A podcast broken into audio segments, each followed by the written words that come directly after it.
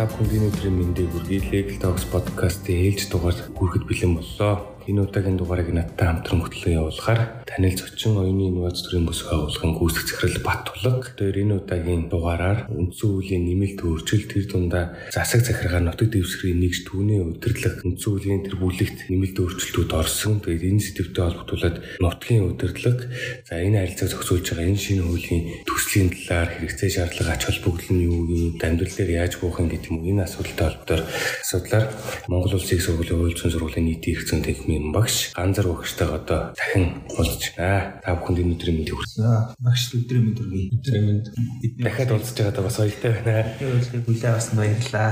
Тэгээд сая бол үндсэн үйл нэмэлт өөрчлөлт орсон тэр үрээнд бол аа одоо нөхцөл удирдлагын чиглэлээр бол гурван заалтад бол өөрчлөлт орсон байгаа тийм. Тэгээд та энэ заалтыг бас ач холбогдол ингэж өөрчлөлт найруулах хэрэгцээ шаардлага нь бас юу вэ гэдэг талаар тэгээд одоо энэ үндсэн үйл нэмэлт өөрчлөлтийг дагагдуулаад бол Монгол улсын эсрэг захиргааны хэсгийн нэгж түүний удирдлагын тухай гэж энэ хууль маань шинжилэн найруулагдаж батлагдах учиртай байгаа тийм энэ хуулийн төслүүд бас босруулагдаад ингээд явж байгаа юм байна лээ. Энэ бас төслийн хилцүүлгийн явц ямар хуу шатандаа явж байгаа айлтандаа явж байгаа талаараас нээлж мэдээлэл өгөөч. За юуны өмнө энэ нэвтрүүлэгт оролцох хүсэлт тавьж та бүхэн цаг зав гаргаж байгаад баяртай байна үндсэн хуулийн одоо эрх зүй үндсэн хуулиар зохицуулж байгаа суур том харилцаанууд байгаа. Тэрний нэг нь бол яхахгүй төрийн байгууламжийн хэлбэр өргөдгаар наваад за тэгээд тодорхой зүйл нь бол юу гэхээр нутгийн удирдлагатай холбоотой асуудал байдаг л да. Тэгээд 1992 оноос хойш ер нь харьцангуй баг баг хөндөгдсөн, харьцангуй баг судлагдсан, харьцангуй баг энэ тухайн асуудлыг шийдэх шийдсэн сэдв бол өөрөө юу байгаа гэхээр нутгийн удирдлага асуудал байна.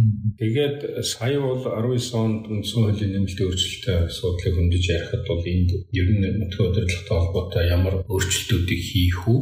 Энэ өөрчлөлтүүд ямар хүрээнд байх уу гэдэг ийм юм тавьсан л та. Ингээд э, хуульчид за парламентын гишүүд судлаач нар ер нь бүгдээрээ ярьж байгаад үндсэндээ нэг гурван зүйл заалтан дээр илүү одоо нэмэлт чиглэлийн тодруулах чиглэлийн ийм зүйл заалтыг оруулсан л та.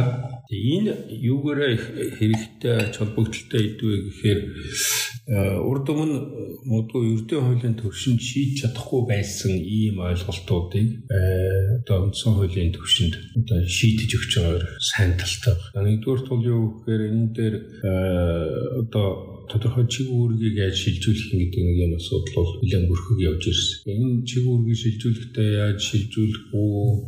За хинд яаж өгөх юм, хинд өгөхгүй байх юм гэдэг ингээд нэг юм тодорхой суурь зарчмууд. За хоёрдугаар их олон жил маргасан энэ хотын хоттой холбоотой зүүн зохицуулалтаас өсцөөний асуудал. Одоо бид чинь зарим нь бол туйлшраад манай улс бол ганцхан хоттой болсон гэдэг ингээд маргалддаг тийм. Тэгээ бид нар бол хот бол орон нутгийн корпорац байх энэ чиглэлийн суур э, өөрчлөлтөө сайн зөвлөлийн нэмэлтээр ороод ирлээ л та. Тэгээ өөрийн гэсэн удирдлага аж ахуй санхүүтэй ийм байх боломж За тэрнээс гадна хуульчнаар ялангуяа тэр дотроо өмчийн их зүүн хуульчнаар их маргадаг орон нутгийн өмчийн асуудал нийтийн өмчийн нэг төрөл бол. Яг их хэмжлэнгийн ийм зүйлүүдийг тодруулж өгснөөр өмцөн хуулийн нэмэлт өөрчлөлт бол манай энэ шинэ хууль гарахад нэлээд их тийм түлхэц болж байгаа. За энэ бол асуудлын нэг тал нь. А нөгөө тал нь бол юу гэхээр ер нь энэ хууль одоо өнөөдөр яагаад ингэж хүчтэй яригдах болов? Яагаад энэ шинэ хуулийн төслийн талаар одоо олон түмэн анхаарлаа хандуулах болов? Энийн ер нь хэрэгцээ шаардлага шалтгаан юу байсан бэ нь юм. Тэгэхээр хэдийгээр 19 онд өөрчлөлт нэмэлт өөрчлөлт орсон боловч ер нь засаг захааны нутаг дэвсгэрийн нэгжийн удирдлагын тухай хуулиа бид хэд одоо үйлчилж ирсэн хуулиа судлаад үзэхээр нэг юм үндсэндээ хоёр удаагийн тийм хууль гарчлаа. 92 онд нэг хууль гарсан, 2006 онд нэг хууль гарсан. Одоо өнөөдөр 2020 он гэж. Энэ 15 жилийн давтамжтайгаар ингээд нэг юм хуультай явсан байна тийм ээ. Энэ хуулийг судлаад үзэхээр ер нь үндсэн хууль заасан тэр суур зарчмууд маань энэ хуулинд шингэж чадсан үгүй гэсэн асуудал. Өөрөөр хэлбэл үндсэн хууль маань үндсэн хуульд заасан санаанууд өнөөдөр 2020 он гэхэд хэрэгжсэн нь хэрэгжээгүй гэдэгс. Тэгэхээр судлаачдын дүнгээр харахад бол үндсэн хуулийн гол гол санаанууд бол тэр болгон суугаагүй. Өөрөөр хэлбэл амьдрч чадаагүй байна гэсэн. За зарим тохиолдолд бол юу гэхээр их гайдсан байна. Тийм ээ анхныхаа санаанаас их гайдсан байна. Тэгэхээр одоо э, хуулийн э, төслийн одоо хэрэгсэл шаардлага гэвэл нэгдүгээр одоо байж байгаа бүх зохицуулалтаа үндсэн хуулийн үндсэн санаанд нийцүүлэх нэг юм шаардлага явж байгаа. Хоёрдугаарт гайдсан зүйлүүдийг засах хэрэгтэй. За жишээлх юм бол энэ дээр үндсэн хуулийн үндсэн санаанд нийцсэн нийцээгүй гэдэг дээр ингээд хэдүүлээ ярил л та тийм ээ. Тэгэхээр ер нь манай улс бол өөр төрийн байгууламжийн хувьд нэгдмэл улс. Тийм ээ нэгдмэл улс гэж. Тэгэхээр нэгдмэл улс гэж юу хэлдэм бэ гэдэг чинь бол энэ үндсэн хуулийн их зүй судлаач нарын хувьд бол тогтчихсон ойлголт л туу. Гэтэл энийг бол жишээлбэл өөр өөрөөр тайлбарлаад ирсэн юмнууд байна. Жишээлх юм бол нэгдмэл улсын хувьд бол юу гэхээр нэг хууль тогтоох байгууллагатай гадаад бодлого батлан хамгаалахын элдв юмнууд нь нэг байна ч гэдэг юм уу юм юм байна. Тэрс гадна засаг төрийн төлөөлөгч засаг дараа томилогдох тэр асуудал ч өөр нэгдмэл улсын нэг шинж явах жишээ нь. Гэтэл нөгөө талаас бол юу гэхээр орон нутгийн одоо байгууллагын гаргаж байгаа шийдвэр тогтоолуудыг нэгдмэл улсынхаа хувьд яаж нэг захиргаанд оруулах уу гэдэг юм асуудал байна. Тийм ээ дур дураараа шийдвэр гаргуулахгүй байх гэдэг ч юм. Чи Монгол улс бол өөрөө нэг юутай тийм ээ нэг хууль тогтоох байгууллагатай нэг хуулийн дор амьдардаг юм улс. За нөгөө гажсан гэдэг дээр бол юу гэхээр манай үндсэн хуульд байж байгаа юу нэгждэх удирдлага бол нэг талдаа бол өөр удирдлага байна нөгөө талд бол төрийн удирдлага нэгждэг төрөөд энэ хоёрыг хослуулна гэж хэлсэн. Тэгэхээр Монгол үгээр хослуулах хос байх гэдэг тийм энэ чинь зэрэгцээ оршиж болж ийн гэсэн үг шүү дээ тийм. А гэтэл бид нар бол яасан бэ гэхээр үндсэндээ бол э, холилдуулсан. Хослуулаагүй холилдуулсан. За их энгийн жишээ хэдүүл аавал. Одоо 100 айлыг нүүлэх асуудал нийслэлийн хувьд. Энэ чинь төрийн ажил уу эсвэл өөрөө төгсний ажил уу гэдэг ийм асуулт гарч. Тэгэхээр хэрэг одоо хосолж исэн бол магадгүй нутгийн өөрөө өдрөх байгуулга нь үнэхээр энэ хотынхаа дотор нэгжийнхаа дотор ийм 100 э, айл гэсэн ийм э, барилгын материал зардаг ийм цэгтэй байх гэдэг бол э, нөгөө тухайн орон нутгад сууж байгаа амьдарч байгаа хүмүүс өөрсдөө бие дааж хийчих юм боломж. Гэтэл хараад байхад энийг хөөцөлдөөд хийгээд байгаа хүн хэм бэ гэхээр засаг дарга. Өөрөлдөх юм бол засаг дарга нь юу хийх юм нөгөө орон нутгийн удирдлагын юугаа хийн гэдэг нэг ийм нөгөө юунууд байхгүй байна л та тийм. Тийм учраас энэ хуулийг хийх ерөөсөө гол шаардлага бол хоёр л үндсэн юм дээр тогтж байна л да тийм. Нэгдүгээр нь үндсэн хуулийнхын үндсэн санааг одоо амьдруулах нэг ийм санаа. Тэр үндсэн хуулийн үндсэн санаанд нийцсэн байдлаар бүх одоо өнөөдрийнхөө хууль тогтоомжийг өөрчлөх нэг ийм санаа. А нөгөөх нь саяны одоо 19 онд өөрчлөлт орсон нэмэлт өөрчлөлттэй холбоотой асуудал энэ өөрөө түлхэж болоод ингэ явчихж байгаа юм. Бүх судалгаанууд хараад байхад бол э, ер нь нэг жоохон хуулийг өөрчлөхгүй болохгүй гэсэн нэг юм судалгаа гараад байна л да. За сая сонгуул болоод өнгөрлөө одоо 10 сард сонгуул болно гэдээ ярьж байна. Их олон хүний амнаас сонслоо энэ улс төрийн сонгуул гэдэг. Нийслэлийн сонгуулийг, аймгийн сонгуулийг, сумын сонгуулийг, дүүргийн сонгуулийг энэ бол улс төрийн сонгуулаа. Яг үнэхээр их нутгийн өрөөдөд байгууллага улс төрийн тэр шалгуураар гарч идэг байгууллага мөн үү биш үү? Хоёр дахь нь гаргаж байгаа шийдвэр тогтоол нь улс төрийн шинжийг агуулж ийн үгүй байна уу? Энд өөрөө их эргэлзээтэй тийм асуудлууд байгаа шүү дээ, тийм. Тэгэхээр энэ юмнуудыг тэгээд э, практикээр амьдрал дээр харахад бол ялангуяа энэ суманд харж байхад бол юу гэхээр энэ улс төржих явдал энэ ихнэр нөхөр хоёроо талцах тийм. Энэ чинь зүгээр улс төржин гэдэг ойлголтын цаана нутгийн өрөөдөх байгууллага өөрөө өөрсдийнхөө нийгмийн эдийн засгийн амьдралыг шийдэд явах гэдэг энэ юмруу хэтэрхийх хольсны энэ одоо ойлголт л үндсэндээ яваад байгаа тийм учраас энэ энэ тэр юмудаа засаач гэсэн бүх тийм судалгаанууд гараад байна л та. Тэгэхээр эхний асуулт бол юм байна. Энэ бол хэрэгцээ шаардлага гол тэр үндэслэл юу байгаад байгаа вэ гэдэг бол үндсэн хуулийн төвшөндөө бол ийм байдлаар тайлбарлав. Ер нь сая багш чухал асуудал хөндлөө миний яг санал нийлдэг. Би бол одоо яг хувийнхоо иргэдийн хурлын төлөөлөгч гэдэг бол угаасаа төрийн албаны хуулиараа ч улс төрийн албан тушаалтай бол биш шүү дээ тий. Тэрийг бол нөгөө яг энгийн төвшөнд улс төрийн ажил хийж байгаа юм шиг ингэж ойлгохдаг бас тийм хаасайг бол байгаад харагдаад байгаа юм л да. Тэгээ энэ дээр бас үндсэн үйл нэмэлт өөрчлөлт оруулсан нэг чухал санаа бол хуучин чинь бол нэг тэргүүлэгч гişүүн гэж нэг тусдаа тэгээд төлөөлөгч гэдэг нэг тусдаа гэдэг тэд дотроос тэргүүлэгчтэй сонгоод явдаг тийм байс. Тэрийг бол одоо үнцүүлийн нэмэлт өөрчлөлтөр бол одоо бас байхгүй бол бас гол чухал дэвшлэх юм болов гэж хараад байгаа. Тэгээд бас судлаачдын төвшөнд хүмүүсийг ярьдаг шүү дээ. Бас үндсэн хуулиар бол заавал аймаг нийслэл цом дөөр нам нэг төвшүүлэх тийм үндсэн санаа бол байхгүй дээ ч гэдэг юм уу. Тэгээ өөрсдөө бий дагаад орон нутгаас өөрчлөлтөд ингээд удирдлага хэрэгжүүлээ явах хэрэгтэй ч гэдэг ч юм уу. Ийм асуудлууд бас яригддаг тийм. Тэр энэ асуудал бас хуулийн төсөлд яаж тусч байгаа бол бас нэмэлт үндсүүлийн нэмэлт өөрчлөлт оруулах явцад нэлээд яригдж байгаа. Тэгээд одоо ээж ядаагүй орхигдсан байсан шүү дээ тийм. Тэгэхээр хэдүүлээ ярилцлага ингэж явуулвал яасан гэж. Тэгэхээр ер нь хуулийнхаа ерөнхий нэг юм гол гол цэг гол гол одоо асуудлууд нь юу юм бэ гэдгийг нэгдүгээр төвчхон тайлбарлахыг орж. Хоёрдугаарт нь энэ толгойн асуусан асуултанд шууд хариулъя гэдэг юм байдлаар тийм.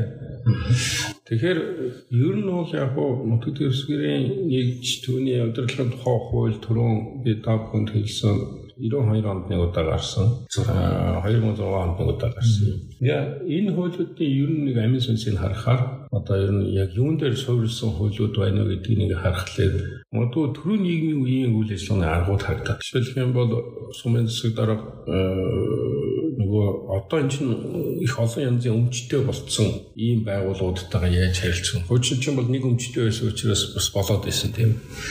Өөрөлдөх бол энэ удирдлагын арга хэлбэр энэ асуудлууд нь бол яг тэр нэг одоо байгаа энэ хуулинд харагдах бол ингээд хуучин цагийн заалтуудын нэг тийм үлдэгдлүүд яваалах. Тэгэхээр ер нь болж игэл бид энэ хуулийг зөвхөн хэдийгээр шинжилсэн найруулга гэж нэрлэж байгаа ч ер нь нэг шинэ хууль гэдэг байдлаар харагдах. Шинжилсэн найруулга гэдэг. Шинжилсэн найруулга гэдэг чинь бас хуур нөөрэ хэвээрээ байна. Тэгээд нөгөөдгөө шинээр найруулад ингээд явна гэдэг. Энэ дээр бол бид нар бол тэгж хандахгүй. Энэ бол ер нь цоо шинэ хууль, цоо шинэ одоо шатыг эхлүүлж байна, виштийг эхлүүлж байна гэдэг юм байдлаар харагд. Энийг яаж ингэж э, хамгийн түрүүнд юугаар тайлбарлах гэж байгаа гэхээр бид нар энэ хуулийн зорилгыг их өөрөөр томьёолж. Хуулийн зорилго. Одоо бид нар чинь бол хуульчнаар бүгдээрээ мэдж байгаа хуулийн зорилго гэхээр тийм харилцааг зохицуулахад энэ хуулийн зорилго оошно гэж бичдэг.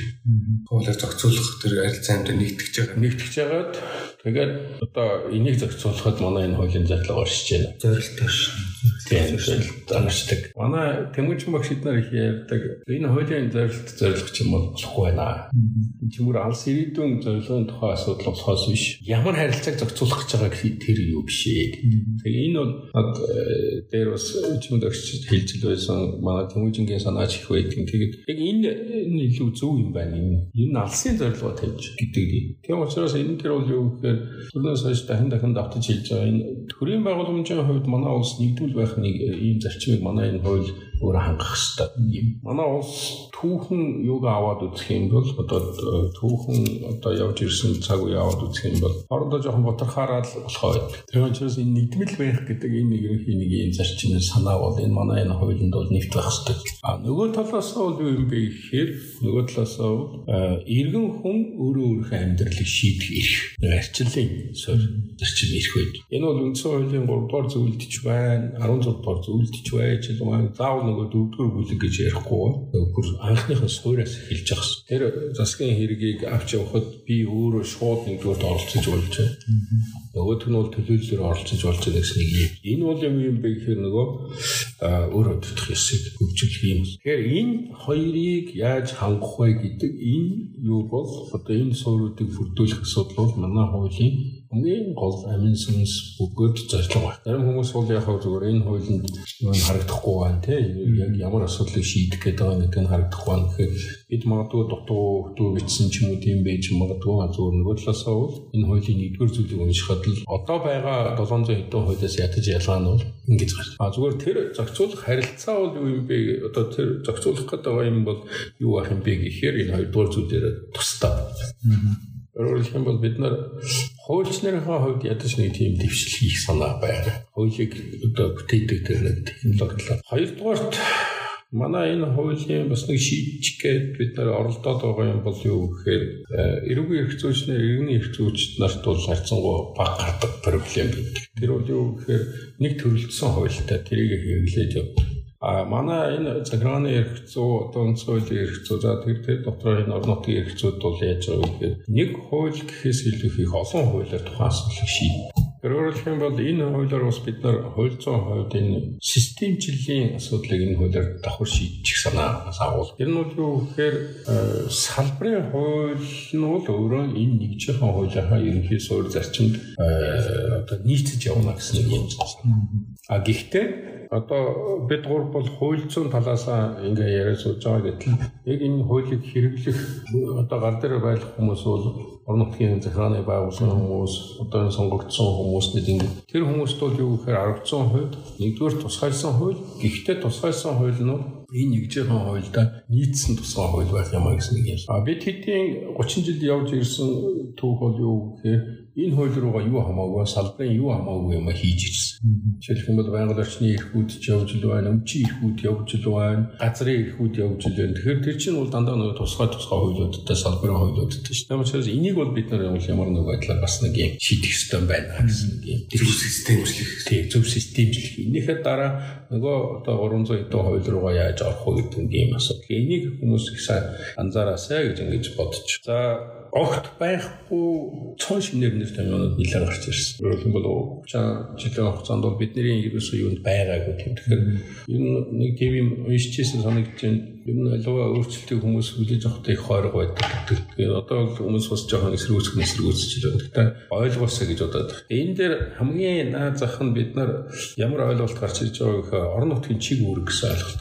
Бас манай энэ хуулийн нэлээд том амин сүнс асуудал байна орон нутгийн чиг. Орон нутгийн чиг үүрэг гэдэг юу гэхээр одоо хингийнээр тайлбарлахад э, тухайн э, одоо нэгжийн хурал 100% шийддэг асуудлыг 100% өөрөө асуудлыг хариуцдаг ийм л ажил ажлууд байна. За э, маш тодорхой жишээн дээр хэдүүл авъя тийм ээ. За сумын төв байлаа, сум байлаа гэж бодъё. Тэсгүй дүүрэг байлаа гэж бодъё. За суманд бол жишээлх юм бол одоо нэг ямар ч хэсэн сумын төвд бол нэг хог гарч байгаа. Ингийн үйлдвэрийн янз янзын хог гарч байгаа. Тэр хогны асуудлыг хэн шийдэх вэ гэдгийг бид нар орон нутгийн чиг үүрэг гэж тийм ээ.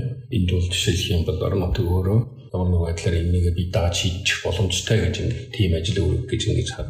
За аймгийн төвшөнд нэг юм юу оруулсан урд нь ерөөсөй байхгүй байсан. Магадгүй аймаг өөрөө ингэ бодож болно. За манай аймгийг 15 жилийн дараа 20 жилийн дараа очиох залуусаа бэлдээ. Энд нэг хайхтар одоо тийм төрийн бодлого энэ төр гэсэн илүү бас тухайн аймгийн өөрхөн гэдэг нэг суур бодлого. Энэ хүүхдэл манай ямиг ингэ зүг аваа явах. Одоо удам уцааны юм байгаа, сургууль улсрал юм байгаа. Тэгэхээр аймгийн хүний нэгэн бодлого гэсэн бодлого.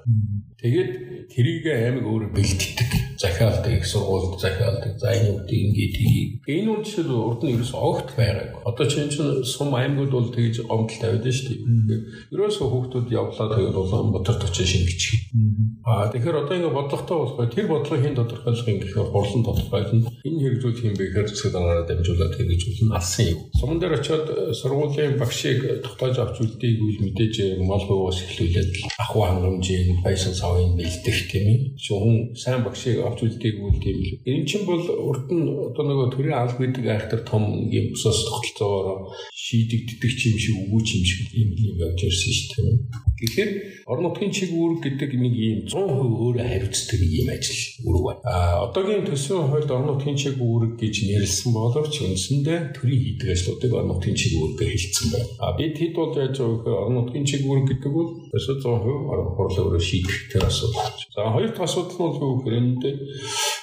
төр орон нутгаар дамжуулж хэрэгжүүлүүлдэг тийм чиг үүргүүд байна. Жишээлх юм бол одоо бүртгэл гэдэг байна тийм ээ. Иргэний бүртгэл гэдэг. Хэдүүлээ бол байнга иргэний бүртгэлийн үйл ажиллагаанд харилцдаг. Тэр бол төр хийдэг ажил. Гэхдээ орон нутаг дахь нэгжээр дамжуулж хийх. Өөрөөр хэлбэл хамтарч хийж байгаа тийм ч юм гэсэн үг. Тэгэхээр энэ бол бас урд нь байгаа гэдэг. Гуравдугаарт нь бол юу гэхээр ерөөсөө орон нутагт өгч болохгүй чиг үүрүүд юу гэдэг юм гэдэг бас тодорхой. Жишээлх юм бол гадаад харилцаа бол ерөөсөө өгөхгүй. Гадаад харилцааны бодлого бол манай энд байна. Замгаалах бодлого энд байна. Цэргийн бодлого энд байна гэдэг юм. Тагнуул одоо аюулгүй байдлын бол энд байна гэх юм тийм. Гэт ингээд жагсаад бичсэн. Тэгэхээр энэ бол хаана байж байгаа гэхээр нөгөө нэр тэмээ гэдэг энэ хэсэг дээр байж байгаа жишээ. Дээрээс нэмээд орон нутгийн чиг үүрэг чиг үүрэг тодорхой болохоор орон нутаг тулгарч байгаа асуудлыг их түргэн шуурхай хугацаанд шийдвэрлэдэг тийм даваа талтай бас болох юм санагдаж байна. Тий, түргэн шуурхай шийдэн бас нэг юм давуу нэг юм байгаа. Юу гэхээр хэрэгцээ шаардлага орон нутаг өөрсдөө мэдээд байна.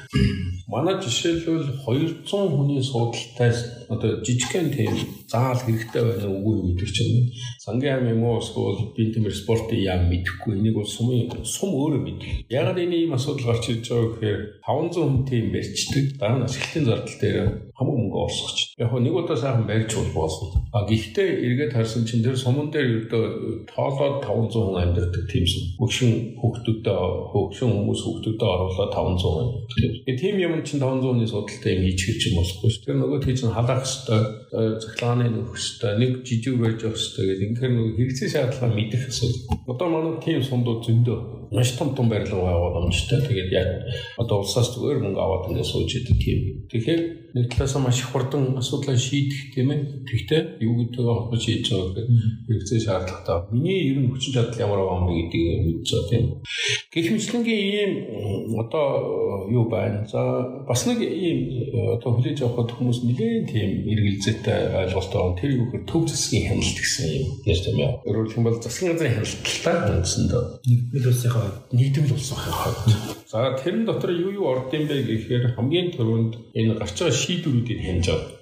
Тэр дотроо бид хэд ч нэг зохион ерөнхий хуулиараа хэмжээний актыг хянана гэсэн юм. Энэ бол аль нийгмийн улсууд байна. Дур дураараа шийдвэр гаргахгүй. Монгол улсын нутаг дэвсгэр дээр намын хүчин чадалтай акт бол хууль. Тэр хуульд захирагдах гэсэн. Тийм ээ. Үндсэн хууль тэгээд мэдээж хууль гэдэг тийм. За тэгэхээр жишээлх юм бол нэг юм хяналтын асуудал байна. Түрүү та бүхэнд хэлсэн энэ орон нутгийн гүйцэтгүүлэгчийг үүрэг гэдэг. Скол орон нутгийн чиг үүрэг. Орон нутг нь тэр чиг үүргээ муу хэрэгжүүлээд байна, сайн хэрэгжүүлээд байна гэдэг бас засгийн газар хянав. Жишээлх юм бол имлэг нь муу мөртлөө засаг даргын машин сайн тийм сумдууд байна шүү дээ. Имлэг нь муу байгаад идэг ээ цонхон сийгдсэн ийм тэгсэн мөртлөө засаг дараа нь их гоё шин шинтэй яваад байдаг. Тэгэхээр тэр чинь нөгөө эмнэлгийг эмнэлгийн одоо хэвийн үйл ажиллагааг хангах үүрэг бол юу гэхээр орон нутгийн үүрэг. Тэгэхээр энийг төвчсөн газраас хийлээ. Одоо энэ чиг үүрэг чинь давалдаад байна шиг байгаа гэдэг ч юм уу тийм. Тэгэхээр өөрөөр хэлэх юм бол амин чухал асуудал чинь засаг даргын унаагаа солих асуудал нэг номер асуудал эсвэл эмнэлгийнхээ асуудлыг шийдэх асуудал номер нэг үүрэг юм. Дээрээс нь э, нөгөө орон нутгийн тэр чиг үүрэг энэ төрөөр төрөөс шилжүүлж байгаа энэ чиг үүргийг хэрэгжүүлэхэд улсын төсөөс мөнгө өгч. Тэгэхээр улсын төсөөс нэг мөнгө авсан учраас тэрний зарцуул зарцуулалтын асуудлыг улс өөрөө эргээд бас юм 300 юм зарцуулчих үе тийм ээ гэдэг ингээд нэг юм. Тийм учраас энэ төгсгөн газрын хяналт гэдэг юм. За нэг юм э, механизм дараа нь тарах тухай асуудал гаргуулж. Бид хэдийн нэг сонгодог кейс нь баян зүрх дүүргийн иргэдэд хурлал гэдэг хуралддаг юм шиг өгөөж юм шиг 4 жил явсан. Тэгэхээр үнэхээр тийм байдал үүсэж байгаа шууд засгийн газар нь хараачлаа дахиад сонгуулаа явуул. Яг тэгвэл хуралдаж чадахгүй байгаа учраас цуглаж чадахгүй учраас тэд шийдвэр гаргахаа байц тийм. Тэгээ энэ дэр харин юу хэр илүү тодорхой үндэслүүдийг зааж байгаа. Та нар ингэж чадахгүй, ингэж чадахгүй, ингэж чадахгүй төлсөн газар та нарын үйл ажиллагаанд оролцсон шүү. Энэ ч бол шин механизмууд яваад байна л та тийм.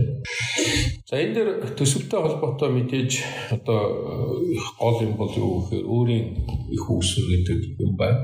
Санхүүгийн дэмжлэг юм гэж юм байна. Тусгай зорилтын шилжүүлэг гэсэн юм гурван том юм байна хажуугаар нь орон нутгийн сангууд байж жишээ. Гэхдээ энэ бол юутай холбоотой вэ? Дандаа нөгөө чиг үүргийг хэрэгжүүлэхтэй холбоотой, ажил үүрэгтэй холбоотой тийм л асуудал яваад. За ингээд тайлбараад яриул одоо гол асуудал маань бол юун дээр илүү төвлөрч байна гэхээр нутгийн чиг үүрэг гэдэг энэ ойлголтын дээр төвлөрч байна тийм ээ. За нутгийн өрөө удирдлагын байгууллагатай холбоотой нэг хоёр зүйлийг хэлэх хэрэгтэй байна. Яг тэгвэл одоо энэ бид гурван ярилцлагыг болсноор сонсохоос гадна жирийн эргэж сонсож болж биш юм уу. Аа орон нутгийн төвшин тэр нь заавал айхтар нөгөө хөдөө гэдэг утгаар биш. Одоо жишээлбэл дүүргийн төвшин шийдчмээр нийгмийн эдийн засгийн асуудал байдаг. Нийслэлийн төвшин шийдчмээр нийгмийн эдийн засгийн асуудал байдаг. Тэрийг шийдэх шийдлүүд нэг нь бол юу гэхээр хэмжээ акт, хэмжээ акт гарах, нийтэд дарж мөрдөг тийм акт. Нөгөөх нь бол юу гэхээр нэг удаагийн шийдвэр гаргах ийм л хоёр арга байна тийм ээ. Энийг санаачлах эрхийг жишээлбэл иргэн эдэлж. Өөрөөр хэлбэл одоо э, би иргэн хүнийхээ хувьд нэг бүхэндээ яваад идэг нэг байдаг те за энийг ингэчмээр л байх юм гэдэг чинь. Тэгэхээр санаачлах эрхээ э, яагаад тэгээд хүмүүсээс гар үсгээ. Тэгээд тодорхой тооны гар үсгэн дээр очиод яг юм бол энийг нөгөө сумын хурлын дөрөв уурлан заавал хэлцэх хэрэгтэй. Зүгээр тэрнийх нь дагуу шийдвэр гаргах гэсэн үг биш. Тийм ээ. оролцоо илүү бодиттой болгож. Тийм илүү иргэдийн оролцооныхаа хэлбэрийг төлөх. Яг л тэгвэл ер нь эцсийн дүндээ бол энэ чинь юу юм бэ? Их нутгийн хувьд зөксөн гэдэг чинь иргэдийн ирэх шүү дээ. Тэгэхээр тэрнээс үүдэлтэй шүү гэдэг тийм. Аа жижигхэн суурин газруудад бол бүгдээрээ цуглаж болж байгаа. Гэтэл манай хуулийн дөр бол байхгүй шүү дээ. Багийн нийтийн хурал гэж нэг юм байна. Эсвэл сумын хурал гэж нэг төлөвлөл юм бүгдээрээ цугладаг тэр юм. Тэр бүгдээрээ цуглаад бас тодорхой шийдвэр гаргавал тэрийг нэг төлөвлөлийг байгууллагууд нь заавал хэлцдэг ч гэдэг. Өөрөөр хэлбэл энэ гадны орнуудын энэ их төлхөө анхаарат байгаа юмнууд байна л да. Өтгөр өдрөх ёсыг төлөвлөлийн байгууллага гэхээсээ гадна илүү иргэд өөрсдөө оролцох тэр боломжууд юу вэ? Тийм учраас одоо энэ хууль бол юу гэхээр иргэн хөндийнх ойрхон очих хэрэгтэй тийм зүйл. Хуулийн төсөлд 10 хэсэг мэсэг гэсэн нэг юм шинээр юм явж исэн тийм. Гэхдээ тэрнээс илүү энэ бол хуулийн төсөл дээр нутгийн өрөөдөр төсний бусад хэлбэр гэсэн тийм. За төлөөллийн байгууллагын хувьд бол ерөөсөө гол юм бол юу гэхээр иргэдийн төлөөлөгчдийн хурлыг бид нар иргэний нийгмийн байгууллага тал руу нийлгээ олгосноо. Бид нар нөгөө иргэний нийгмийн байгууллага гэхээр нэг юм төрөн бос байгууллагуудыг бодох шүү. Ние сая илүү өргөн хүрээд юм шиг байна. Тэгэхээр иргэний нийгмийн гэдэг маань за ямар ч хэсэн гэсэн төрийн гэдэг тэр юунаас нэлээд хол байх юм байна. Иргэний үүрэг нь юу байх юм шиг байна гэдэг Тэгээд тэр нөгөө сарын түрүүн ярьсан нөгөө улс төрийн үйл ажиллагаанаас илүү хол байх. Эцсийн дүндээ энэ чинь иргэдийн төлөөсөө оролцсон юу зориулагдсан бэ гэхээр иргэд өөрсдөө асуудлыг шийдвэрлэдэг юм л байгууллага ш. Тийм ээ. Иргэд өөрсдөө оролцоод ингэ шийддэг тийм байгууллага. Гэхдээ тэрний хадгалаа хариуцлага өгдөг тийм. Тэгэхээр энэ дээр жишээлбэл намтай улс төрийн намтай холбоотойгоор бол модгүй зүгээр зарим хүмүүс улс төрийн сонгуульд оролцох тэр процедурт нь их ач холбогдол өгöd шүү. А би бол зүгээр илүү ямард нь илүү ач холбогдол өгöd байгаа гэхээр гарч ирээд гаргасан шийдвэр нь яаж улс төрийн шийдвэр биш байгаасаа гэдэг талаар. Өөрөлдөх бол нэг хийдэг ажил нь улс төр биш шүү гэдэг. Жишээлбэл хогийнхаа цэгийг хаана ойлгохгүй гэдэг бол энд бол ардын нам нь арчсан нам нь байна уучлаарай энд бол нэг тийм чухал биш. Ихэвчлэн хараад байхад сумын төвийнхаа дээдэлтэй болцсон байгаа байхгүй. Тэгээ тэр чинь өөрчлөх асуудал иргэдийн хурлын асуудал байх байл гэдэг тийм ээ. Авар болохоор дээрээс нь салхилаад ороод ирэхгүй байх. Жишээлх юм бол бид хэд одоо ингээд бороо их орж जैन гүүрний асуудал байна. Гүүрээ янзлах уу гэнэ. Энэ дэр ямар тийм айхтар ус төр гэдэг сүд болоод ингээд одоо тэрэн дээр ямар хадаас хадах уу гэд маргалдаад сүд болоод байхгүй л мэдээ тийм. Энээрээ хадуулахгүй яах вэ гэдэг чинь. Орон нутгийнхаа зам дээр тэмдэгэ тавих асуудал байж байна. Сургуулийнхаа одоо дотор байрны асуудлыг яах, имлэгээ яах ингээд энэ тамирынхаа талбайгаа хаан засах юм гэдэг. Энэ болгон дээр нэг айхтар тийм нэг улс төрийн гэдэг юм гарах бүгд бол хэрэгжилж. Тийм учраас нөгөө захааны ерөнхий хууль заасан улс төрийн шийдвэр гэдэг юмд энэ сумын хурлын шийдвэр орох юм уу орохгүй юм уу гэсэн асуудал байна. Тэгэхээр бол гарч ирдэг тэр аргууд нь магадгүй намууд оролцох юм гэхээс илүү хийдэг ажил нь улс төрөө гэдэг юм асуудал. Хоёрдугаар нэг ийм э, хуулийн зохицуулт хийсэн тэр нь бас жоохон эргэлзээ бол байх нөгөө зүгээр одоо бол бид нар сумын хурал юм уу нийслэлийн хурал дээр одоо жишээлбэл сум дүүрэг нийслэлийн хурал дээр харахаар намын бүлэгтэй яваад. Тийм тийм ээ намын бүлэг гэдэг үс шиг адилхан. Тийм усыг шиг адилхан тийм э, бид хэд энэ шинэ хуулиар зорьсон юм бол юу гэхээр намын бүлэггүйгээр хийж. Өөрөөр хэлбэл ороод ирлээ. Гэхдээ нөгөө нам ярих гэдэг тэр ярьдаг тэр бүлэг нь байхгүй. А энэний зохион байгуулалтын хэлбэр нь юу байх юм бэ гэхээр байнга хороо байх. Жил жилийн байнга хороо. Тэгэхээр тэр дотор аль нам байх нь чухал биш тийм ээ. Байнга хороо сайн ажиллах нь чухал гэдэг тийм. За дараагийн нэг асуудал бол юу гэхээр тийм сонин юу байл та иргэдийн төлөөлөгчдийн хурлын төлөөлөгч болчоод намын сонгуульд ажил хийгээд байгаа. Тэрнийхээ хажуугаар. Тэгэхээр болж игэл бас тийм хийлэхгүй гэсэн санаа. Болж игэл тийм хийлэхгүй. Тэгэхээр өөрөөр хэлбэл хичнээн гарч ирлээ ч гэсэн тэр намаас нь жоохон жоохон алсуур ингээ холдуулаад байхаа өсөөс өгөнө байгуулах чинь иргэнийхээ нэгэн байгууллагаараа илүү төлхүүд өгөх юм байна гэсэн нэг юм явж байгаа. Бас нэг их тийм сони юм байна. Одоо бид хэд бас л зүгээр буруу судлаагүй байлтай гэж. Жишээлбэл манай энэ нийслэлийн иргэдийн хурлын 45 төлөөлөгчийн баг 40 байна удаа. Засаг дараагаас хамааралтай аж ахуйн нэгж байгууллагад ажиллаж байгаа. Одоо автобусны компани захирал ч юм уу тэр юм чинь тийм тийм тийм тийм тийм гэх. Өөрөлдөх юм бол иргэдийн хурал маань засаг дарга хянах хэвээр иргэдийн нэрийн өмнөөс хянах хэвээр байтал засаг даргийнхаа доор томилогддог байгууллагад орчихлоо. Тэр чинь нөгөө хяналт чинь яаж яах вэ гэдэг. Тэр учраас тэрийг хориглож байгаа. За та төлөөлөгч болоод төлөөлөгч л хий. Гэхдээ төлөөлөгч хийдэг ийм ажлууд л байна та элдв олон тэр засаг дараагаас санхүүждэг тийм байгууллагад ажиллахгүй шүү. За зүгээр хүмүүс бол юу гэж тайлбарлаж байгаа хэрэг энэ чинь орон нутгийн өмч төлбөрөөр газар ч гэдэг юм уу компани ч гэдэг юм гээд ингээд тайлбарлах гэдэг юм л да. Хэрэндээ биш. Яг тэгвэл засаг дараагаас хамааралтай бол. Тиймэрхүү өөрчлөлтүүд энэ хуулиуд дээр нэлээд тэмдэглэхгүй хийх санаа явж байна да.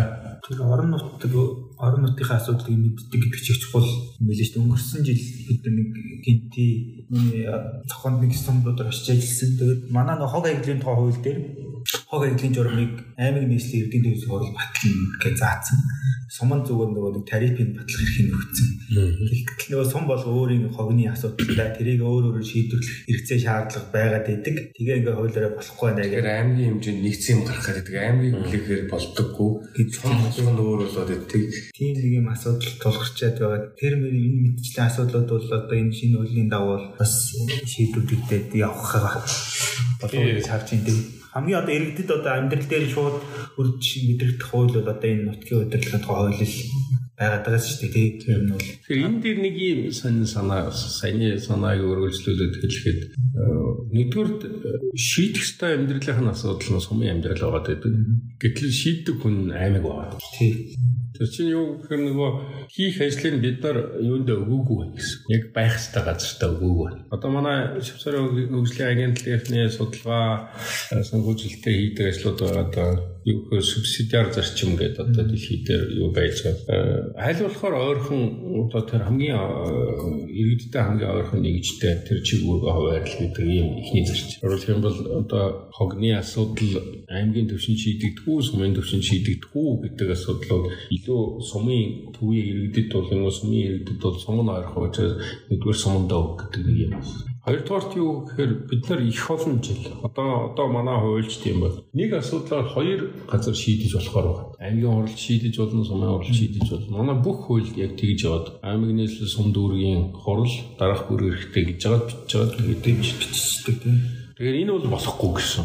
Юм. Өөрөөр хэлбэл чиг үүргийг нэгдүгээр хамгийн ойрхон нэгжт нь өгнө, хоёрдугаарт нь давхардуулж өгөхгүй. Тус тусдаа салгаж өгнө. Энэ чинь нэг юм сонин кейс гарсан. Энэ баялуурхийн гүүрийг өлөө хаахад Төв аймгаар баахан тоосгоно машин явуулаад Төв аймгийн сумдууд нь явуулахгүй гэсэн шийдвэр гаргаад аймаг нь мөнгө аваад явуулах гэдэг юм шийдвэр гаргаж шийд. Энэ чинь хоёр өөр шийдвэр нэг асуудлаар гараад мэдээж хоёулынгийн зорилго бол нийтийн сайн сайхан байх. Гэхдээ нэг нутгийн дэвсгэр дээр нэгэн зэрэг үйлчилж болох юм юу. Тийм учраас энэ хуулиар нэг шийдэж байгаа юм бол юу гэхээр юг аймаг шийдэхин, юг сум шийдэхин гэдгийг хуваарлж байна. Жишээлбэл одоо хүн амын усны хангамжийн асуудал цэг, худаг цэг тийм ээ. Энэ асуудал бол сум шийднэ. Аймаг орохгүй гэдэг ч юм. Ингээд нэрвчлээд өгч байгаа. Энийг бол энэс хойш сум өөртөө шийднэ А энийг бол аймаг шийдэн. Жишээлх юм бол бид хэд бас нэг юм дээр жоохон маргалцсан л да юу гэхээр энэ хаягжилтын асуудал. Одоо чи бид хэд бас нэг суурин соёл иргэншил рүү явж хаягтай болох гудамаа нэрлэх барих. Гэхдээ яг энийг суман дээр дангаар нөгчлөөр нэг олон адилхан нэртэй сумдуудын сумын гудамууд гарах нь гарах уугүй гэдэг асуудал. Тэгээ учраас энэ ийм шийдвэр гаргахаар бол аймаг дээр бүртгүүлээд аймгийн нэгсэн тийм шийдвэр гаргаж ич гэдэг юм те. Тэр өөрөөр хэлэх юм бол ингээд нэг ийм ажил үүргийн хуваарийг улсын төвшөнтэйгээд аймгийн төвшөнтэйгээд сумын төвшөнтэйгээд ингэж явж байгаа тийм үзүүлэлт. Төрний нөгөө орон нутгийн системчлэл гэдэг чи орон нутгийн чигүүр гэдэг юм дээр энэ саяын системчлэл дээр үүдэг бас их заагалаа ярин гаргаж байгаа байдаг. Одоо жишээд нь газар нутгийн нөгөө тусгай хамгаалтанд авах ч юм уу тий аймаг гэж нэг тусгай хамгаалтанд аваад гэж нэг аваач гэдэг юм бол олон давхцын байгаад байдаг асуудал шийдвэрлэх юм байна. Аа иргэдийн төлөөлөгчийн холын төлөвчийг бол тэр сонгогдсон хүмүүсийн нэг саналаар эргүүлэн татдах хариуцлагажуулах тийм нэг хэсэг хэсэг явж ийлээ тий заалт төсөл тусагдсан. Хэдэн холбогдууд бол одоо засаг даргын одоо нэг томилгооны асуудлууд нэлээд маргаан дагуулдаг тий. Одоо нэгдэн улсынхаа төрхий сайд аймгийн стратеги дээр яаж төлөвлөгөө хийхээ яаж огцруулах хийж гэдэг ч юм уу те. На цаашдаа нөгөө аймаг нийслэн сум дөрөв дээр яах юм гэдэг ч юм ийм нэг асуудлууд байгаад байдаг. Тэрэн дээр хуулийн төслөл дээр бас арай онцлог одоогийн зохицуулалтаас арай өөр шинэлэг юм юу байгаа л. Нэг ийм яриа их хүчтэй явах юм байна. Засаг дарга нар. За хэдүүл их олон засаг даргаыг явахгүй зөвхөн нэг аймгийн засаг даргаыг л авах тийм. Аймгийн засаг дарга. Аймгийн иргэдийн хурлынхаа гарт орчихсон гэсэн тийм. Өөрөөр хэлэх юм бол нийт дэвшүүлд тэгээд аймгийн иргэдийн хурлын төлөөлөгч нар тэр одоо тэдний хүслийг биелүүлэхгүй байвал засаг дарга огцруулдаг гэдэг тийм яриа их байна л да. Яг ингээд судлаад хууль зүйн талаас нь судлаад үзэхээр энэ нэг хайхтар батлагдахгүй байна. Өөрөөр хэлэх юм бол энэ юутай яагаад ийм батлагдахгүй байгааг юугаар хэлж байгаа гэхээр хичнээн засаг даргыг хичнээн аймгийн засаг даргыг ерөнхий сайд огцруулах чөлөөлөв гэдэг тоолохгүй гэдэг. Өөрөөр бол эцсийн дүндээ манай үндсэн хуулиар өнөөдөр үйлчлэгч үндсэн хуулиар аймгийн засаг даргыг чөлөөлөх тоглох огцруулах хэрэг ерөнхий сайдд л байна. Яг эцсийн шийдвэр гаргах хэрэг. Аймгийн хурл бол яадаг вэ гэхээр тэр талаар саналаа гаргах. Нэр дэвшүүлдэг скол чөлөөлөх огцруулах саналыг гаргах. Тийм л юу юм. Манай энэ өнөөдрийн механизм. За тэгэхээр энэс юу бид нар бол нэгэнт үндсэн хуульдаа захирагддаг явах хэрэгтэй учраас томилно гэдэг тэр заалт бол хүчтэй хэмээрээ байна. Тийм ээ. Гэхдээ үндсэн процедур байгаа. Яаж тэр нэг томилох юм бэ? Аймгийн засаг даргаыг томилох юм бэ гэдэг тийм. Тэгэхээр аймгийн иргэдийн төлөөлөлтөд оруулахлаа Бусаг дараад нэр дэвшүүлнэ. А одоо бол яаж байгаа гэхээр баг намын бүлэг эхэлж байгаа гэж нэр дэвшүүлж тийм ээ. Тэгээд дотороо санал хураалт явуулчаад хамгийн олон санал авсан хүн олонхын санал авсан хүнээ дэшиг явуулчих. Тэгээд ерөнхий сайд томилохгүй үгүй гэдгээ нэгдүгээр хэлж ший. Томилж болно, томилохгүй ч болно. Тэгэхээр томилохгүй тохиолдолд яах вэ гэхээр дахиад нэг хүний нэр дэвшүүлнэ. Ингээд хоёр дахь хүний нэр дэвшүүлээд ороод ирэхэд юу байгаа гэхээр тэр тухайн хүнийг ерөнхий сайд томилох үүрэгтэй. Ийм л өнөөдрийн хуулийн зохицол. За энэ яг энэ томилохтой холбоотойгоор бол хоёр одоогийн хуулиас ялгаатай хийсэн хоёр зүйл байна. Нэгдүгürt нь юу гэхээр иргэдийн төлөөлөлтийн хурал нэр дэвшүүлэх процесс анх нэр дэвшүүлэх процесс ерөнхий сайд дээжтэй засаг дарга бас үнэ санал болгож болохоор оруулж. За би бол бас энэ хүнийг томилчмаар байна. Та та нар энэ хүнийг одоо болж байгаа уу болохгүй байна гэдгийг нэг шүүгээд гаргаад ирээчээ гэж. Энэ бол бас боломжийн хувилбар юм болов уу гэж нэгдүгээр харж байгаа. За хоёрдугаар нь бол юу гэхээр а одоо томилхоос татгалцсан тохиолдолд томилхоос татгалцсан тохиолдолд хоёр дахь удаа хүний нэрийг дэвшүүлэхдээ өөр хүний нэрийг дэвшүүлнэ гэж. Жишээлбэл ганц зориг бол хоёр удаа нэр дэвшихгүй гэсэн. Нэг удаа татгалзаад явсан бол одоо дараагийн удаад өөр хүний нэрийг ганц зоригоос өөр байх хэрэгтэй гэсэн нэг юм санаа. За энэ бол юу гэхээр анх томилох процесс нь. За одоо аймгийн засаг дарга гараад ирлээ. Аймгийн засаг даргын үүрэг хоёр янзын үүрэг байгаа. Нэг нь бол юу гэхээр хууль тогтоомжийг аймгийнхаа хэмжээнд хангах даргын төлөөлөгчийн ажлыг хийн. Тэрнийхээ төлөө ерөнхий сайдын өмнө хариуцлага болж. Хууль тогтоомжийн биелтийн төлөө ерөнхий сайдын өмнө хариуцлага. Энэ бол төрийн талынхаа ажил. А нөгөө ажил нь юу гэхээр аймгийн хурлаас гаргасан шийдвэрийг биелүүлнэ. Тэрнийхээ төлөө аймгийн хурлын өмнө хариуцлага гэсэн. За нөгөө хэдүүл анх ярилцсан дээр ихэд энэ нөгөө холилдсон гэдэг юм яриад ирсэн шүү дээ холилдсон гэдэг чинь юугаар илэрхийлэгдсэн бэ гэхээр одоогийн манай өнөөдрийн хуулиар бол хууль тогтоомжийн хэрэгжилтийн төлөө бас хурлынхаа өмнө тайлагнаад. Энэ ч тайлагнаад байгаа юм шиг, энэ ч яагаад байгаа юм шиг нэг юм тийм миксер хүн байгаа байхгүй тийм. Тэгэхээр бид нар бол одоо энийг юу гэж өөрчилж байгаа гэхээр хэрэг засаг дараа аймгийн засаг дараа аймгийн хурлын шийдвэрийг удаа дараа биелүүлэхгүй байвал зөвхөн тэр асуудлаар огцруулах санал гаргах хэрэгтэй. Өөрөөр хэлбэл хүрээг хязгаарлаж. Уучлаарай. Хууль тогтоомжийн асуудал дээр бол та нэг хайртаар оролцох боломж байна уу үгүй ээ гэж. А харин хууль тогтоомжийн биелэлтийг муу хийгээд байвал ерөнхий сайд шууд нөгөө нөхрийг чөлөөлж болно. Одоо ч бол манай хууль тогтоомжийн биелэлтийн талаар эхлээ заавал хурлаасаа асуун тэгээд засаг дарга огцруулна гэж ингээд уяад байгаа шүү дээ тийм. Тэгэхээр хийхгүйгээр шууд огцруулчлаа дараа нь мэдэгддэг. Яг л Монгол улсын хууль тогтоомжийг энэ нөхөр миний нэрөө өмнөөс биелүүлэх ёстой үргэлж биелүүлэхгүй байх гэсэн тийм их байна. тийм нэг өөрчлөлтүүдийг л оруулж байна л да. Тэгэхээр сүүлийн нэг асуулт түрүүн тэр иргэдийн оролцооны арга хэлбэрүүд энэ шинэ хуулиар бол иргэдийн оролцооны арга хэлбэрийг дэмжиж хийсэн юм бас их орсон юм байна. Жишээлбэл иргэд нутгад шийдэх асуудлаа санал хүсэлтэд илэрхийлэн за тэрийг дэмжиж иргэдийн санал их байх юм бол иргэдийн төлөөлөгчдийн хурлаар заавал хилцэж хилцэж гэдэг ч юм уу. Энэ иргэдийн оролцоог нэмэгдүүлэх чиглэлээр энэ хуулийн ер нь гол зүйлснаа дэвшилдэг юмнууд нь өмнөх хуулиас та одоо давуу байдлыг нэг үж харж байгаа. Шууд оролцоо гэсэн утгатай. Ер нь бол одоогийн байгаа хууль тогтоомжид иргэд нутгийн өрөө тодорхой ёсонд шууд байдлаар оролцох тухай тийм зохицуулсан байхгүй. Тэр бол нэгдүгээр тийм тусдаа зохицуултыг оруулж яах гэдэг нь өөрөө нэгдүгээр. Хоёрдугаар бол юу гэхээр тэр оролцооны хэлбэрүүдийг тодорхойлж. За ямар ямар ямар хэлбэрээр энэ одоо юунд оролцох вэ? Тэгээд түрүүний та бүхэнд хэлсэн одоо нөгөө шийдвэр гаргах эрх тийм ээ. Ийм жогдох эрх гэдэг юм уу? Эсвэл нэг одоо нэг асуудлыг шийдвэрлэх эрх эсвэл бусад одоо нөгөө оролцуулаа. Одоо жишээлх юм бол бид нар petition гэж ойлгох байна. Петиц. Тэр бол жишээлбэл одоо манай айл чин дээр байхгүй байхгүй. Тэгээд иргэд одоо өргөдөл гэхээс илүү санал гаргах хэрэг.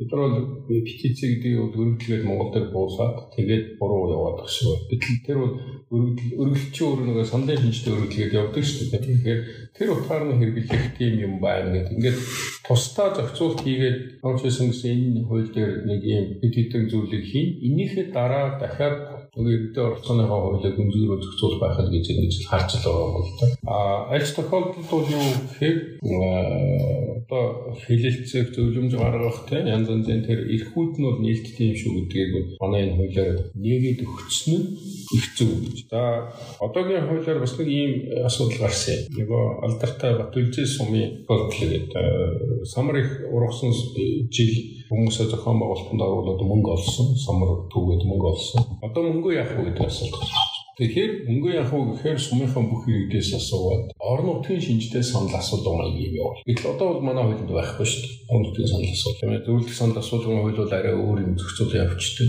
А энэ дээр яг орон нутгийн санал асуулга. Тэгэхээр нэг иргэн хүн болгоо өөр саналаа илэрхийлэх хэрэг. Тэгэхээр нэгэнт одоо өнөөдөр ингэж их мундаг IT хөгжсөн ийм байхад бол тэр саналыг зөвлөх бол бас харьцангуй гайгүй байхгүй. Тэгэхээр олсон мөнгөө юундээ зарцуулах юм гэдгийг хэлэх хэрэг. Тэгэхээр тэн чинь бол юу байсан бэ гэхээр миний санаж байгаа сургууль барьсан гэдэг тийм л юу байдсан шүү дээ тийм. А дараа нь бол сургуультай болоод бол дараа нь сургуулийнхаа багшийн цалин яах юм гэдэг асуулт гарч байна. Ямар багш авах юм бэ гэдэг. Тэгэхээр ийм ийм ингэн дээр байна гэдэг тэр хэлэх хэрэг чинь бас нөгөө санал асуудал гэдэг юм араад яваад ах жишээ нэг гэдэг. Өөрөөр хэлбэл нийтээр нь хүлэн зөвшөөрүүлсэн шийдвэр гаргахад хамгийн дөрөв боломжтой хөлбөр бол өөрөө санал асуудал байдаг. Тэгэхээр энэ юмнуудыг нээгээд өгчөж яах гэдэг маань өөрөө юу байна. Яг зөвхөн жоохон дутуу хийгээд байгаа нэг юм байна. Яг энэ шууд юутай холбоотой шууд ажлын зарчимтай. Энэ бол юу гэхээр баг хорооны хурлын асуудал. Баг хорооны хурал дээр бол бүгдээрээ мэднэ. Ер нь ямар нэг сонгуулиугаар очдог шийдвэр гаргадаг.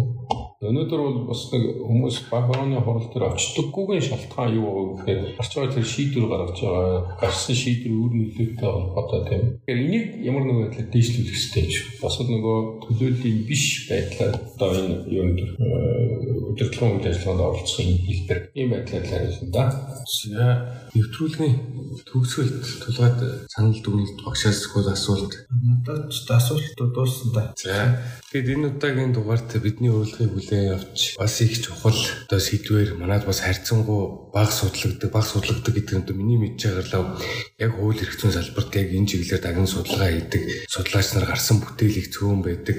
Учираас бас энэ сэдвэр хамгийн чухал хэрэгтэй шаардлагач холбогдолтой сэдвэр. Одоо энэ орон нутгийн тухай шинэ хуулийн төслийн үзэл баримтал шинэлэг давуу тал ач холбогдол хэрэгцээ шаардлага энэ сэдвэр бас бидэнд мэдээлэл өгч цаг заваа радио подкастт оролцсон багштай баярлалаа. За тэгээд энэ хуулиас л миний олж харсан одоо багшийн сая ярнаас хамгийн таалагдсан хэсэг бол энэ хуулийн өөрөө шинжилсэн найруулга гэж явж байгаа ч гэсэн шинжилсэн найруулга биш. Өмнө 2006 оноос хойш өнөөдөр хүртэл мөрдөжсэн хуулиас бол үзэл баримтлалын хувьд бол өөр юм байна. Шинэлэг зохицуултууд айгүй их бас орж ирж байгаа юм байна. Нэр томьёонууд явж байгаа юм байна.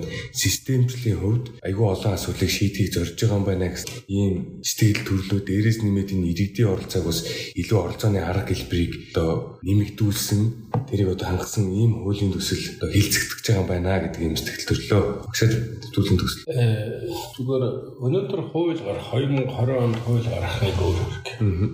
Ер нь энэ нутгаар өдрөх ёс за өнөөдрийн юм гэдэг нь цэвэр ухамсар хүмүүсийн ухамсар хүнд хандж байгаа хандлага. Тэгэхээр ерөнхий нэг сүүлийн нийгмийн хөгжлийн ерөнхий байдлыг харах юм бол одоо энэ манай залуучуудын энэ байдлыг харахад одоо сошиалд явж байгаа ухамсарын төвшин бол хацуу бас нэг эерэг болж нэг альваны асуудлыг нэг ийм зөв шийдчихсэн гэдэг тийм ээ. Тэгэл тэр чинь л бол юу юм бэ гэхээр нэг л нутгийн өдөрт хэсэл гэдэг л тийм. Дайхай зүгээр магадгүй ухамсарын хувьд жоохон одоо хүрээгүй байх тийм юм бол байна тийм ээ. Ингээд одоо 2020 онд батлагдсан энэ хууль нэг 2030 орчим оноос ер нь хүмүүсийн оюун санаанд буух болов гэж байна. Ер нь нэг л одоо энэ чинь нэг ийм учиртай хууль юм байна шүү дээ. Өнөөдөр бол ингээ харахад бол хүмүүсийн хүлээж авч байгаа ерөнхий байдал нь янз янз. Гэхдээ нэг ийм эерэг хандлага бол байна. За учирсан гэсэн. Энэ өөрөө өөрийнхөө ажил хэргийг аваа явах боломж байдаг. Тэрийг эрх зүйн хувьд нэгээд өгчөж байна гэдэг нь их тийм том дэвшил. За нэг жижиг юм шиг мөртлөө өөр зориод байгаа нэг ухамсарын асуудал.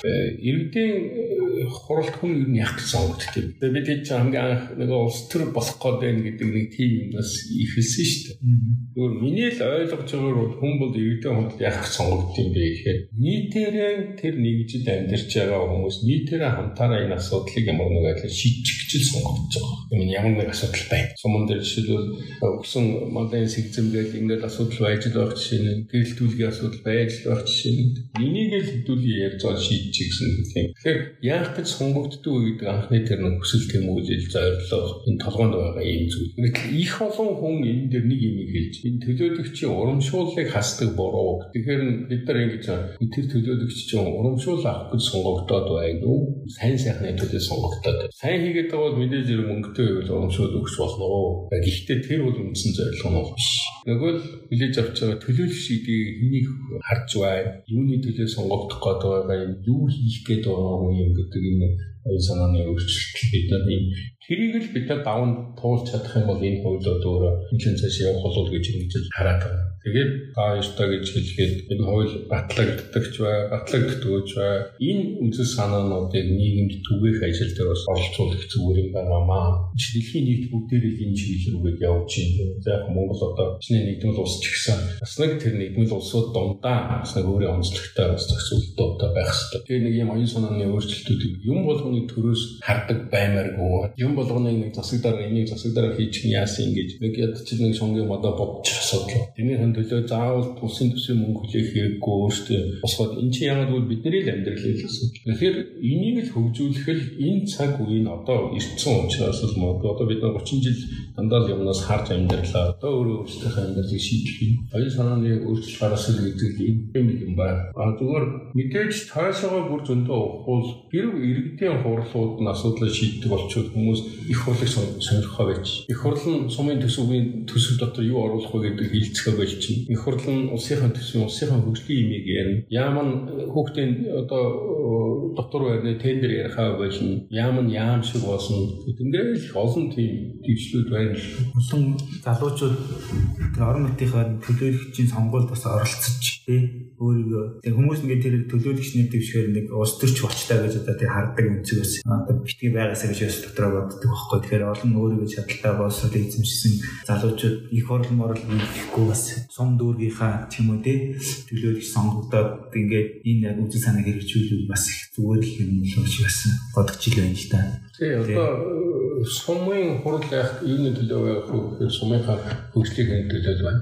Тэгэхээр тэрэнд сайн хүн сонгогдоод сайн хөгжөөд суманд сайн суманд амьдарч байгаа хүн сайн чиг дүүргэд амьдарч байгаа хүн сайн тусганд амьдарч байгаа хүн сайн тийм л. Энийг ийм оюун санааны өөрчлөлт гарах тийм суур хөл болоосоо гэж мөрөөдөж бодож байна. Сумын дүүргийн иргэдийн төлөөлөгчдийн уралд урамшуул авахын авна гэдэг сэтгэлгээний төлөө биш хөгжүүлээ хий гэдэг тэрний дараачийн асуудал нь дараачих шүү дээ тийм ээ. За тэгээд тэр оюун санааны сэтгэлгээний зөв хандлагын төлөө тэгээд подкастэнд оролцсонд баярлалаа. За баярлалаа.